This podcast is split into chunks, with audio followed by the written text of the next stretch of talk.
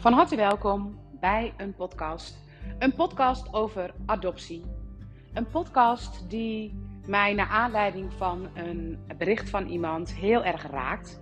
En een podcast die ook uh, door een opstelling die ik eerder heb gedaan, um, mij iets wil vertellen. Zeg maar, mij niet alleen, maar ik denk ook dat het goed is om deze podcast aan de wereld te vertellen. Vandaar een podcast over adoptie.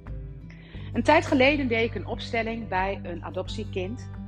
Um, zij is inmiddels volwassene, ze heeft kinderen en ze staat in mijn ogen als een ongelooflijk goede moeder haar kinderen uh, dat wel te geven. Wat ze zelf misschien heel in de basis niet heeft gehad, maar wat ze uiteindelijk na de geboorte volop heeft gehad. Wat haar tot een prachtig mens maakt in haar doen en laten. En waarom vertel ik dit op deze manier? Omdat ik het idee heb dat ik in alle opleidingen die ik heb gedaan, dat er eigenlijk al het moment dat je misschien geadopteerd zou zijn, of dat er misschien iets speciaals aan de hand was, of je moeder heeft psychische problematiek, of er is, nou ik zeg maar, de huiselijk geweld, dat ik als vanzelf als hulpverlener uh, op mijn qui ga zijn, extra oplettend ben. Terwijl ik bijna denk dat in de gezinnen met hoogopgeleide mensen wellicht de kinderen meer tekort komen dan in gezinnen waar zoiets aan de hand is. En ik merk dat in de nou, reguliere manier van kijken best regelmatig een bepaalde blik op bepaalde mensen is kloppend is. En dat het moment dat jij bij het consultatiebureau bijvoorbeeld zit en je bent zelf arts en je hebt van alles gestudeerd, dat het dan eigenlijk al in kannen en kruiken is. Terwijl iemand die werkeloos is, wellicht in een achterstandsbuurt woont, bij voorbaat al iemand is met een extra kruisje achter de naam.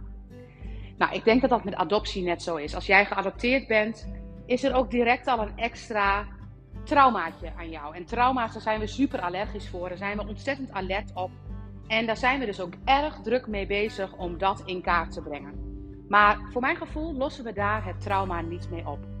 Want het moment dat ik kijk naar iemand die geadopteerd is, met de blik dat hij eigenlijk al het eerste trauma te pakken heeft, dat de eerste minne achter de naam staat, dan doe ik die persoon tekort. Heel erg veel tekort. Het verhaal van het adoptiekindje waar ik het over wilde hebben, die, bij wie ik een opstelling heb gedaan, dat is een verhaal van een moeder die wil kijken naar haar dochter, die bepaalde thema's in haar gedrag laat zien. En het zijn thema's in het gedrag die ze bij zichzelf herkent als moeder, wat voor mijn gevoel al fantastisch is dat ze het zo bij zichzelf zou willen zoeken. En die thema's heeft ze hier onderzocht. Met als gevolg dat ze een veel betere verbinding met haar dochter heeft. En in dat thema, in de opstelling, kwam naar voren hoe verschrikkelijk dramatisch het in de buik was bij deze moeder. Deze moeder, de moeder van deze vrouw, is een jonge vrouw die plotseling zwanger raakt van iemand bij wie ze, met wie ze eigenlijk geen relatie zou mogen hebben. Ze raakt plotseling zwanger en vanaf het moment bij zeven maanden, vanaf het moment bij de ontdekking, dus bij zeven maanden pas, is er totale paniek. Totale paniek bij de moeder van het feit dat ze zwanger is, wat absoluut niet zo mag zijn. Paniek bij haarzelf, paniek in de omgeving, paniek bij haar ouders en dit mag niet zo zijn. Dus er wordt besloten om tot adoptie over te gaan. En ik weet zeker dat deze moeder in haar paniek zelf niet meer kon denken. Maar ik weet ook zeker dat deze moeder, als ze ook maar geholpen zou zijn, op een andere wijze in deze zwangerschap zou kunnen staan. Maar als beide ouders er niet achter kunnen staan, dan is het best een ingewikkelde situatie voor een jong kind. En daarmee probeer ik geen oordeel te geven, maar ik probeer ook het oordeel af te halen van deze jonge moeder. Ze krijgt haar kind in het ziekenhuis en na de geboorte wordt het kindje direct weggehaald. En wat we in de opstelling zagen was een kindje die vanuit een buik met volledige paniek, die de, na de geboorte in de armen wordt gesloten van een superlieve zuster. En eigenlijk was er één grote ontlading van spanning. Dat meisje was helemaal ontspannen opeens. Wat een heerlijk gevoel was dat. Uit die paniekbuik op de arm van een zuster die haar volledig kon ontvangen. En het leek wel alsof alle liefde die er niet gestroomd had in de zwangerschap, kon stromen op het moment van die dagen, tien dagen, bij die zuster op de borst. Bij meerdere zusters waarschijnlijk op de borst. Dit meisje is ter adoptie aangeboden aan een gezin en daar is ze opgegroeid. En ik denk dat het niet belangrijk is om de rest van het verhaal te vertellen. Want vanuit die buik in het paniek geboren worden en dan in armen komen van lieve mensen. Wij denken, ach wat verdrietig, ze komt dan niet op de borst bij de moeder terecht. Maar de allerfijnste plek was op dat moment niet bij haar moeder. De allerfijnste plek was bij deze super lieve zuster die dit alles heeft opgevangen. En dat herinnert ze zich in haar onbewuste nog steeds. Als we dan kijken naar een adoptieproces, dan gaan we alle adoptieprocessen over één kam scheren. Maar wat één ding is wat er aan de hand is, deze moeder kan het kind waarschijnlijk door welke reden dan ook zelf niet opvoeden. En wellicht de vader ook niet. En wat daar dan ook maar heeft gespeeld, wat we daar ook maar van vinden, het moment dat een kind geadopteerd gaat worden door ouders die daarvoor openstaan, dan kan dat voor het kind in principe alleen maar een winsituatie opleveren. We kunnen denken van, goh, weet je, waarom zou zo'n ouder zo'n kind niet opvoeden?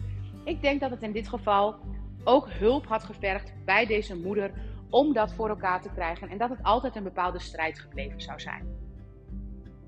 Nu heb ik het over de situatie nu.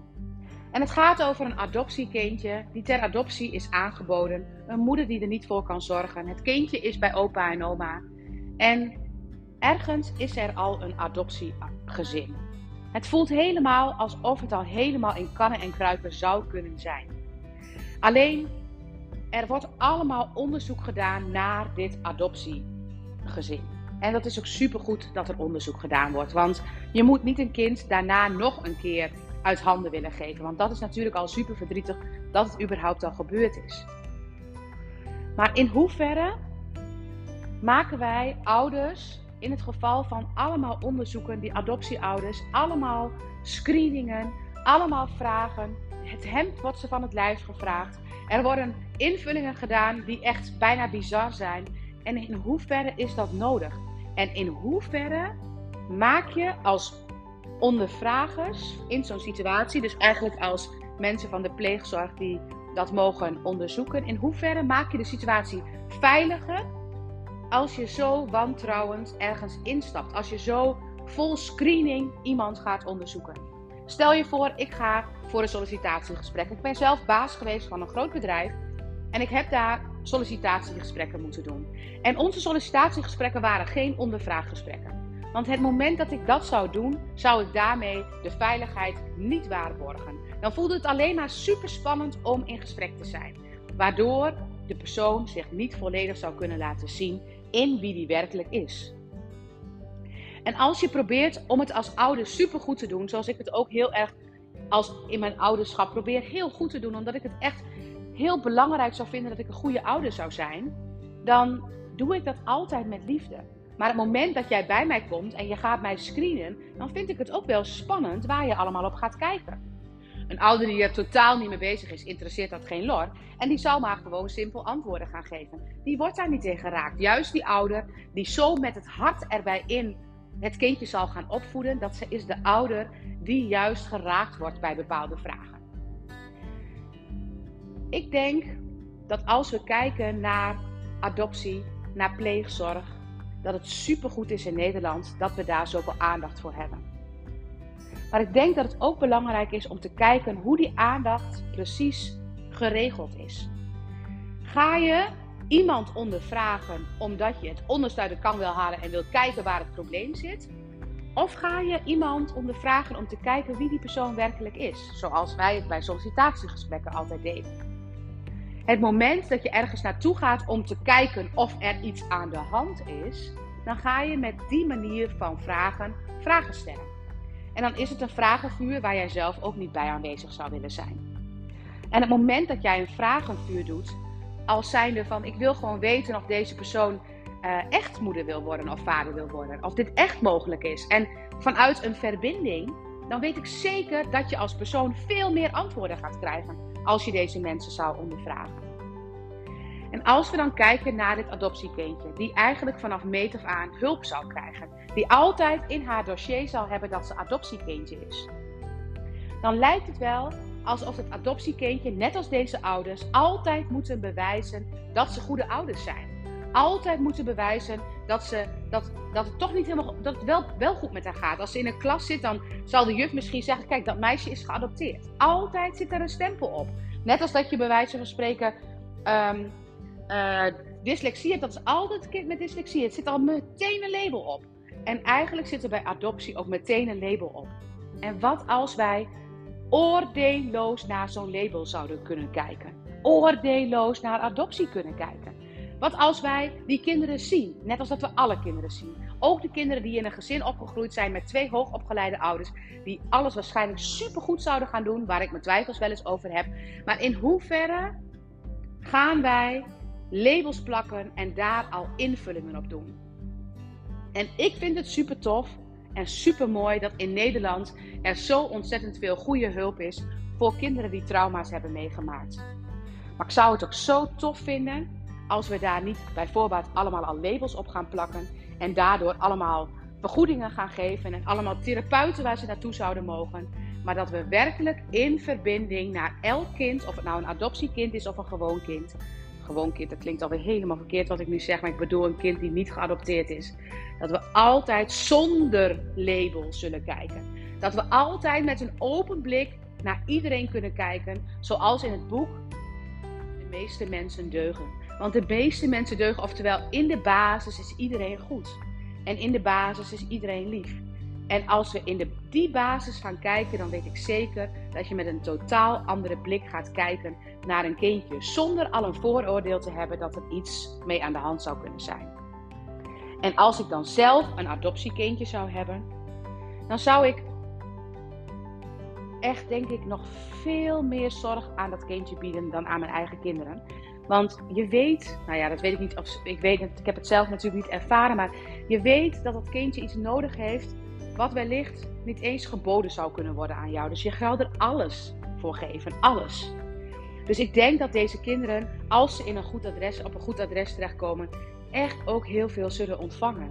En dat ze altijd door hun labeltje ook aanspraak maken op meerdere therapieën en meerdere, uh, meerdere dingen. Maar ik hoop dat het nooit gedaan wordt vanuit dit kindje heeft een trauma, dus dit kindje is minder of dit kindje is kleiner. Maar dat het alleen maar gedaan wordt omdat we de ervaring hebben dat die kinderen soms vragen kunnen krijgen. En dat ze tegen dingen aan zouden kunnen lopen, zoals ieder kind. Maar bij dit kind weten we dat het zou kunnen gebeuren. Nou hoop ik dat ik met deze podcast geen. Um, want ik bedoel er helemaal niks mee te zeggen qua verschil. Maar wat ik heel graag wil meegeven is dat het moment dat ik iemand ga helpen vanuit tekort, ik zie dat iemand zielig is, dat ik dan heel anders help als wanneer ik iemand ga helpen vanuit verbinding. En misschien is dit dus de slotconclusie, is dan misschien wel het beste van mijn hele podcast. Het moment dat je dus iemand gaat helpen vanuit ik wil jou heel graag helpen, dan doe je het vanuit gelijkwaardigheid. Maar het moment dat ik een adoptiekindje zou gaan helpen vanuit dat kindje heeft al een trauma en dat kindje is zielig, dan doe ik het vanuit een tekort. En handelen vanuit een tekort, handelen vanuit zielig, is nooit handelen van hart tot hart. Is altijd handelen vanuit slachtoffer, redder, dader. Mocht je daar meer over willen horen, daar heb ik meerdere podcasts over opgenomen. En daarin zul je wellicht nog meer ontdekken over de houding als slachtoffer, redder, dader. En dat je eigenlijk nooit in die dynamiek moet gaan dat je eigenlijk iedereen volwaardig mag zien. En dat iedereen, als je ergens tegenaan loopt, hulp zou mogen krijgen. En misschien zou je dan als ouders van een adoptiekindje wel gebruik mogen maken van het feit dat er makkelijker hulp is. Maar niet omdat het kindje zielig is, maar omdat wij weten dat die kinderen wat makkelijker hulp nodig zouden kunnen hebben. Nou, ik hoop hiermee een beetje helderheid gegeven te hebben. En sluit deze podcast af. Dankjewel voor het luisteren.